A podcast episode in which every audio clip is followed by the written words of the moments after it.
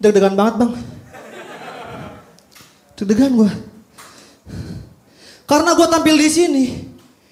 Di rumah. Ibu sama ayah gue lagi mau cerai bang.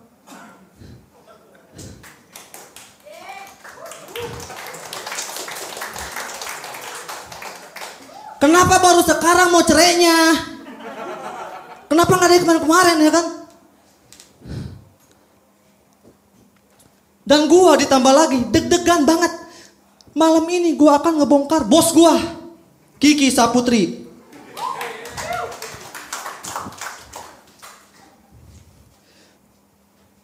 Jadi, gue ini kameramennya. Ya kan? Gue yang sering bikin vlog YouTube-nya.